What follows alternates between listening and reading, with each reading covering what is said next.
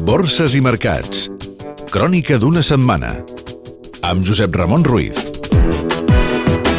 El dilluns i el dimarts negres pel pànic nuclear a la borsa del Japó, les revoltes al Pròxim Orient i al nord d'Àfrica i els temors sobre la crisi del deute sobirà als països perifèrics de la eurozona, després que l'agència Moody's ha rebaixat dos esglaons al rating del deute portuguès, han marcat la setmana borsària.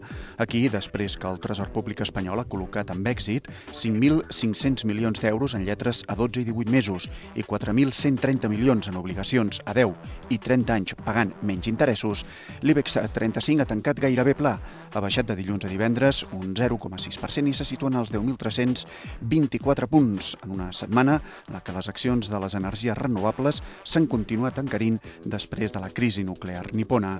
Cinc dies també en els que Qatar Holding ha decidit entrar amb un 6,16% i una inversió de 2.000 milions d'euros en el capital d'Iberdrola i Repsol IPF ha venut el 3,83% d'IPF per uns 460 milions d'euros i ha anunciat a més una OPB de fins al 7% de la seva filial argentina a la borsa de Nova York.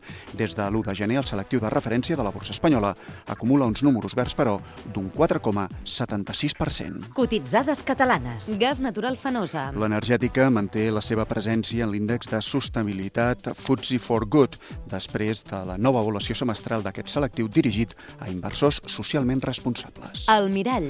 Els laboratoris que han reorganitzat la seva cúpula directiva han anunciat el llançament a Espanya del seu medicament Sativex contra l'esclerosi múltiple. Vueling. L'aerolínia de baix cost crearà en els pròxims mesos 315 nous llocs de treball després d'augmentar la seva flota a 47 avions. Fluidra. Ha formalitzat la seva entrada en el mercat nord-americà.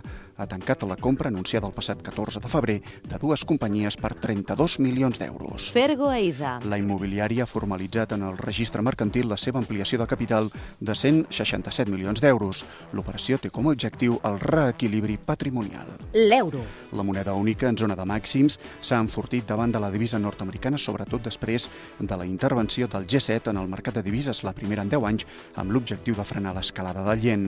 Aquest divendres, el Banc Central Europeu, que ha assegurat que es podria replantejar l'increment de tipus d'interès a la zona de l'euro davant de la catàstrofe al Japó, n'ha fixat el seu canvi oficial a 1,4130 dòlars. El petroli. Dents de serra en el gràfic setmanal de l'or negre.